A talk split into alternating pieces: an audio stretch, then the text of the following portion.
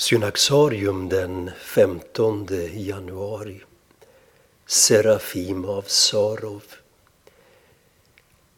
Serafim av Sarov, eller Prokshor Moshni, som var hans egentliga namn, föddes i Kurst i de centrala delarna av Ryssland den 19 juli 1759.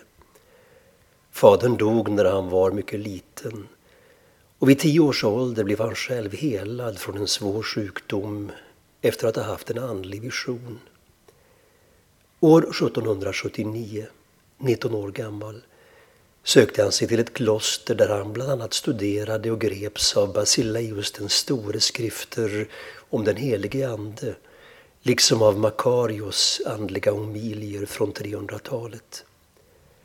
Här läste han även Filokalia den samling andliga texter från 300-talet till 1300-talet som näst efter Bibeln utgör den viktigaste andliga litteraturen i ortodox tradition.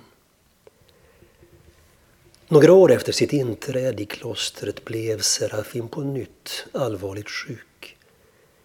Än en gång upplevde han ett mirakulöst helande.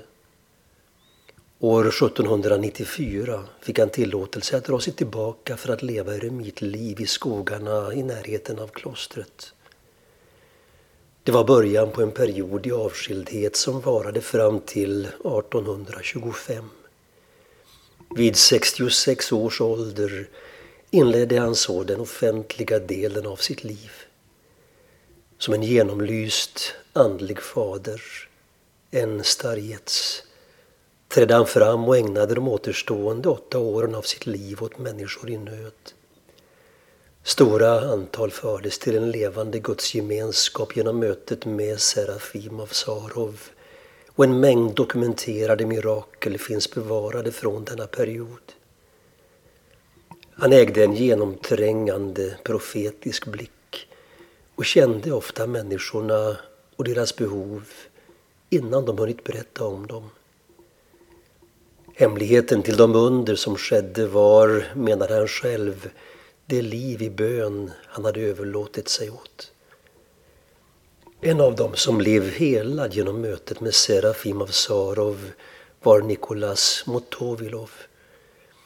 Det är mellan dessa två en märklig konversation finns bevarad om den helige Andes betydelse i den kristnes liv. Upprinnelsen till samtalet, som utspelade sig i ett skogshygge en snöig novemberdag 1831, var att Serafim fått uppenbarat för sig den starka önskan Motovilov haft redan som barn att få veta målet med det kristna livet. Det var som svar på dennes längtan som Serafim av Sarov formulerade de berömda orden Målet med det kristna livet är att förvärva den helige Ande. Mot slutet av sitt liv grundade Serafim ett kloster för systrar i närheten av Sarov.